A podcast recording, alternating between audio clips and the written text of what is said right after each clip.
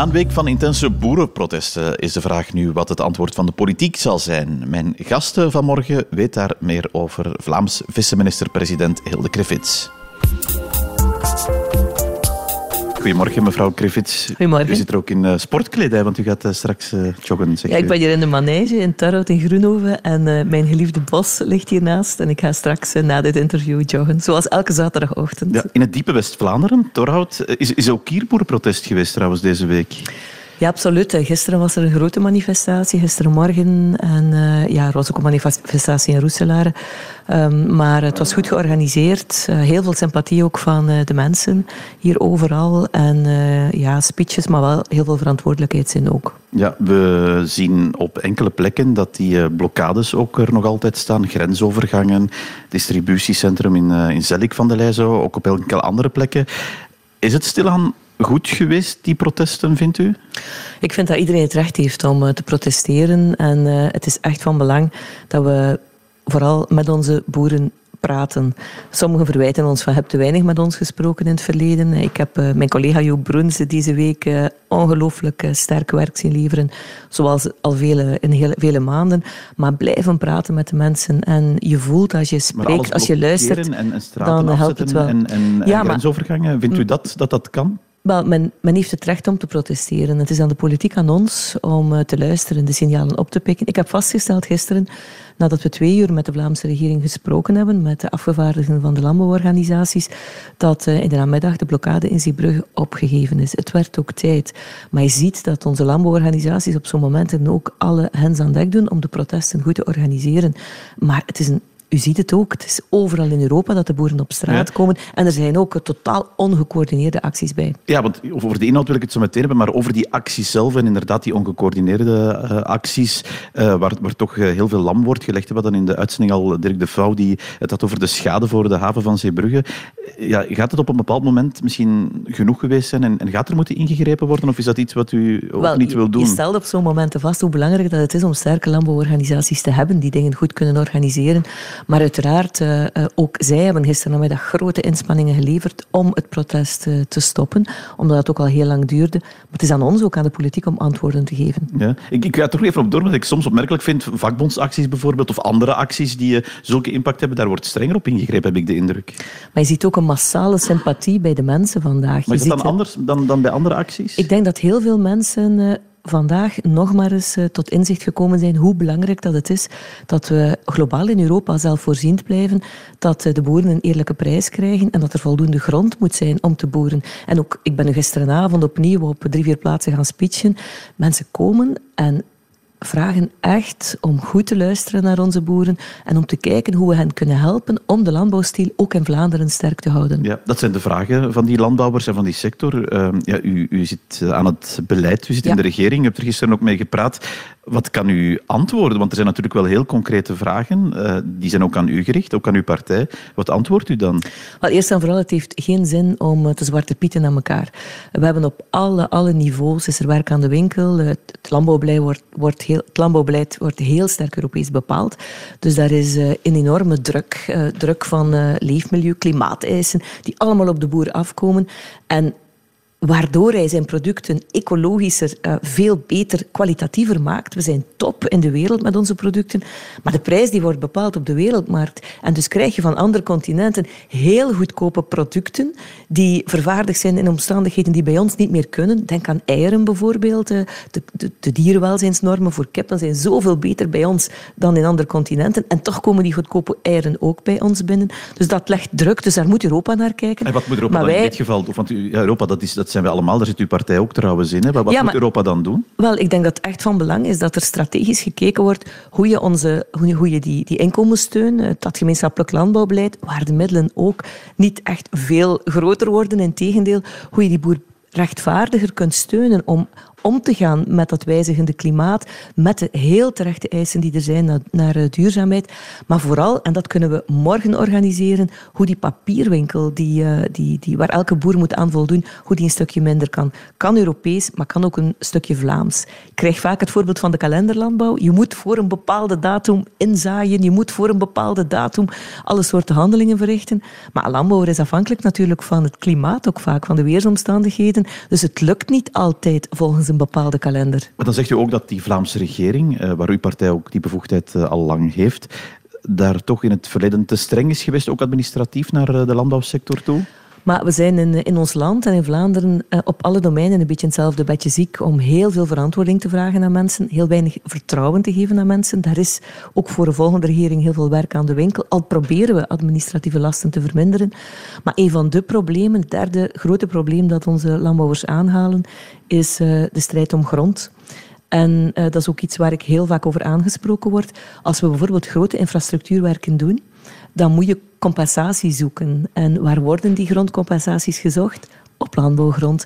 Als we willen bebossen, eh, ja, natuurlijk moet je eerst gaan bebossen in gebieden die daarvoor bestemd zijn, maar toch zie je op een aantal plaatsen dat weer die landbouwgrond aangetast wordt. En dat is een dringende vraag ook aan de Vlaamse regering, die je kan begrijpen.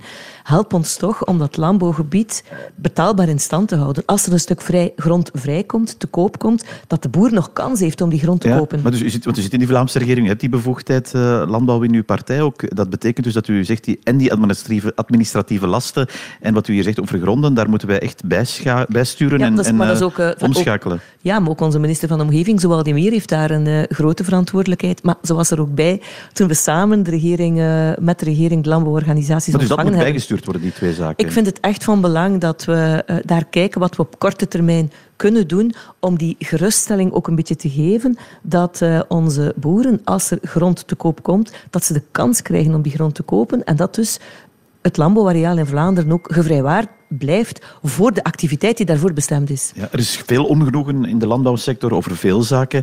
Uh, het stikstofdecreet hoort daar ook bij. Ik neem aan dat daar ook gisteren toch iets door uh, die organisaties zal over gezegd worden. Ehm, dat stikstofdecreet uh, is gestemd. Uw partij heeft daar ook in meegestemd.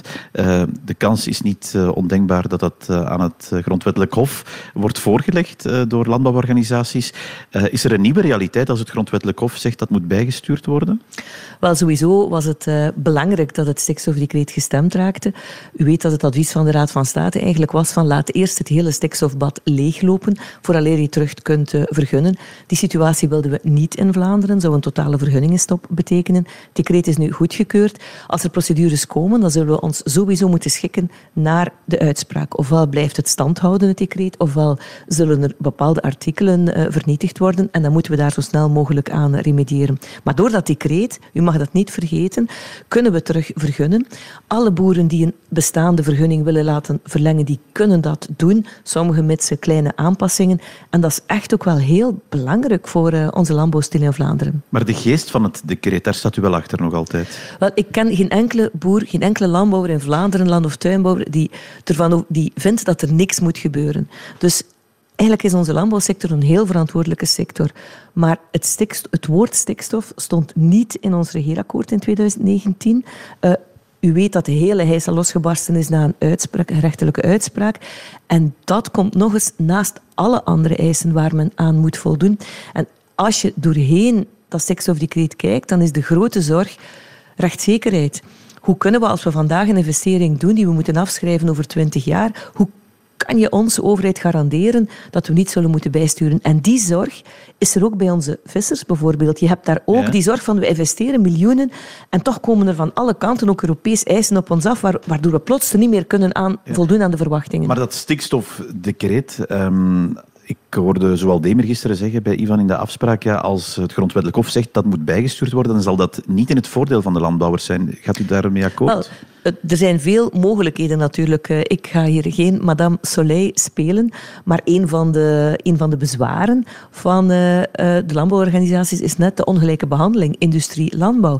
Dus als blijkt dat dat, dat, dat effectief zo zou moeten zijn, um, dan zal het ook voor de industrie een heel negatieve impact hebben. We u, weten u het dus niet. Maar u sluit niet uit dat dat moet heronderhandeld worden of dat, dat uw partij dat maar, ook wil heronderhandelen?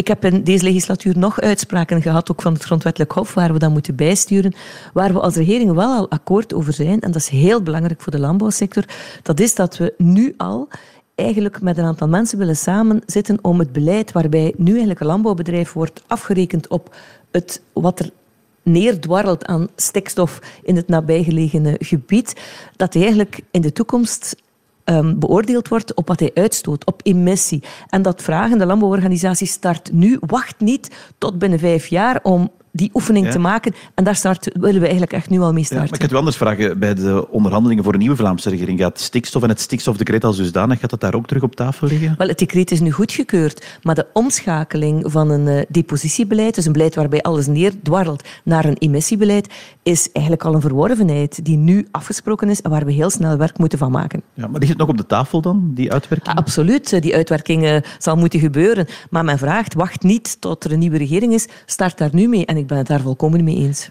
U bent ook voor andere zaken bevoegd natuurlijk. Kinderopvang is ook een, een pijnpunt. Uh, en zeker ook het aantal begeleiders uh, die verantwoordelijk zijn voor hoeveel kindjes. Uh, dat is denk ik in september bij ja. de beleidsverklaring ook aangepast geweest. En de opvanginitiatieven hebben daar ook geld voor gekregen deze week om zich aan te passen aan Ja, dus eigenlijk was de grote zorg bij onze kinderen, dagverblijven, kinderopvanginitiatieven, dat ze wel de verplichting zouden krijgen om minder, om de werkdruk naar beneden te halen, minder kinderen per begeleider. We hebben daar een beslissing rond genomen, maar dat de financiële middelen niet zullen volgen. Wel, kijk, om aan te tonen dat we absoluut woord houden als regering, hebben we beslist om nu al deze maand de extra vergoedingen te storten aan de mensen. Dus de mensen krijgen extra betaald, ook al hebben ze nog niet aangetoond dat, het, dat ze de, norm, de nieuwe norm halen. Maar we doen dat omdat ze meer zuurstof zouden krijgen, omdat ze gestimuleerd zouden zijn om van die nieuwe regels uh, werk te maken. En ook om aan te tonen dat we een betrouwbare overheid zijn. Ze hebben drie jaar tijd om zich aan te passen. Maar er zijn heel veel kinderopvanginitiatieven in Vlaanderen die nu al die nieuwe norm halen. Wel, zij krijgen op het einde van het jaar nog eens een extra vergoeding omdat ze die norm ja, gehaald hebben. En die vergoedingen zijn deze maand, uh, heb ik begrepen. Uh, ja, en bij, voor, de, voor, de, voor zij die aan vrije prijs werken, is dat zelfs gaat die vergoeding tot maal vier in vergelijking met wat ze nu kregen. Maar in totaal ja, trekken we daar als regering om die nieuwe normen te halen 118 eh, miljoen euro voor uit. Ja, en daarmee uh, gaat deze Vlaamse regering ook de laatste maanden in van deze legislatuur. Hoe kijkt u terug op de voorbije vijf jaar in die Vlaamse regering? Het was geen makkelijke rit, hè? Het was voor mij zonder twijfel de moeilijkste legislatuur die ik al gehad heb. heeft veel te maken met die wereldwijde coronacrisis. Die heeft ons voor ontzettende uitdagingen gesteld. Um, daarna kwam de Oekraïne-crisis. Dus het is echt een, uh, een regeerperiode geweest waar veel zaken die niet afgesproken waren op ons pad kwamen en die we moesten oplossen. Um, dus dat, dat zorgt ook vandaag nog voor heel veel turbulenties in mijn beleidsdomein. Vandaag ook in de krant. Uh, onze jongeren voelen zich heel slecht. Enorm veel vragen naar crisishulp. We komen overal handen tekort. Dus de uitdagingen ook voor de komende maanden zijn bijzonder groot. Ja, politiek toch ook heel moeilijk. Een heel moeilijke relatie tussen de drie coalitiepartners, N-VA, CD&V, Open VLD. Heeft dat ook meegewogen? Goh, ik vergeel niet dat als je in zo'n zware crisissituaties uh, zit, dat het dan wel, wel, wel eens spant. Ook uh, die, die moeilijke gang naar het stikstofdecreet, waar zo'n zware financiële belangen voor mensen op het spel staan, levenswerk van mensen, dat zorgt al eens voor hele bitse, zware discussies. Uh, maar kijk, um, we zijn er doorgeraakt. Politiek is besturen. Mensen verwachten dat je beleid voert en dat is mijn missie. ik, ik hou er helemaal niet van om elke dag een andere politicus tussen mijn heerlijke boterham met uh, tussen mijn, de twee helften van mijn sandwich te leggen. maar het, uh, wat, wat de, de wonden ge, geweest zijn, zijn die geheeld intussen of toch nog niet helemaal?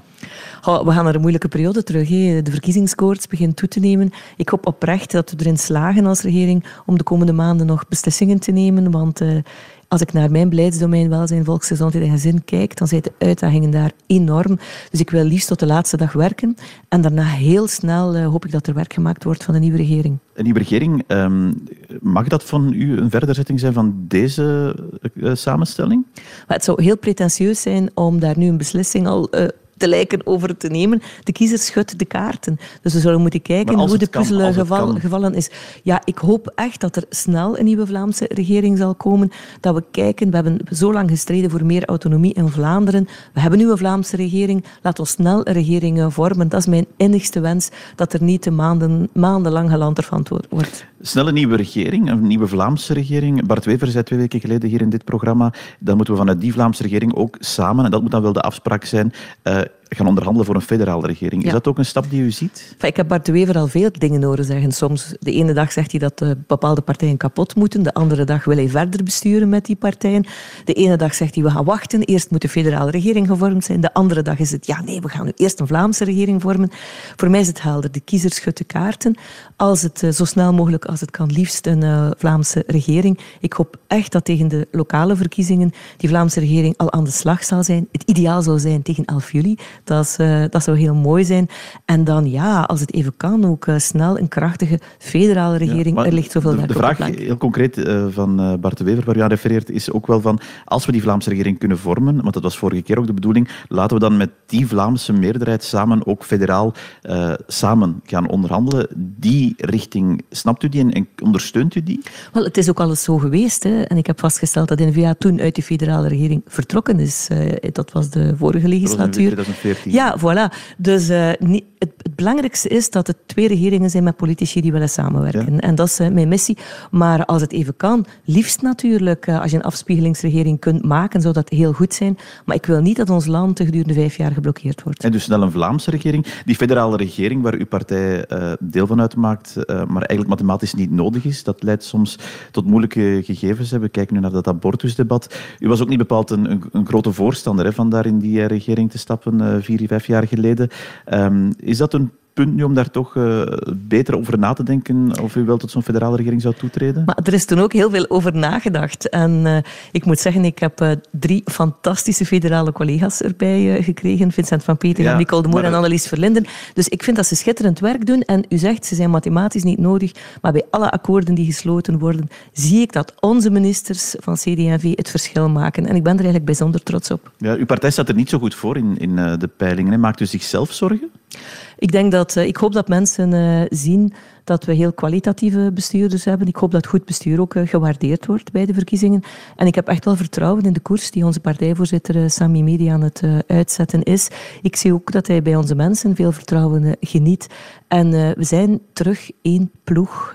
dat is heel duidelijk ja, merkbaar. Maar de peilingen is daar weinig merkbaar van. Ja, maar het zijn de verkiezingen die over het resultaat zullen beoordelen. De, de enige echte um, peiling is de verkiezingsdag zelf en het resultaat dat je daar haalt. Ja, wat als het tegenvalt voor uw partij op 9 juni?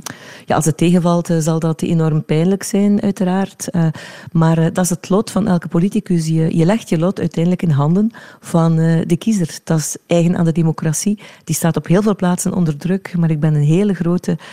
ik geloof heel erg in onze democratie en ik hoop dat elke Vlaming ook beseft hoe belangrijk het is om een goede stem ja, uit te brengen. Maar houdt u er ook rekening mee voor uzelf ook, dat u op 9 juni dat misschien gedaan kan zijn? Je moet in de politiek elke dag bereid zijn om afscheid te nemen, maar uh, mijn motivatie is onaangetast. Uh, ik heb het een paar weken, uh, twee jaar geleden, wat moeilijker gehad, maar dat vuur is helemaal terug en ik hoop samen met een heel sterk team een goede score neer te zetten. Ja. Dat zullen we zien over een goede vijf dat maanden. Eerst ga zijn, ik ja. u aan uw zaterdagochtend loop laten beginnen. Dank u wel, mevrouw Krevits, voor Graag het gesprek. Gedaan.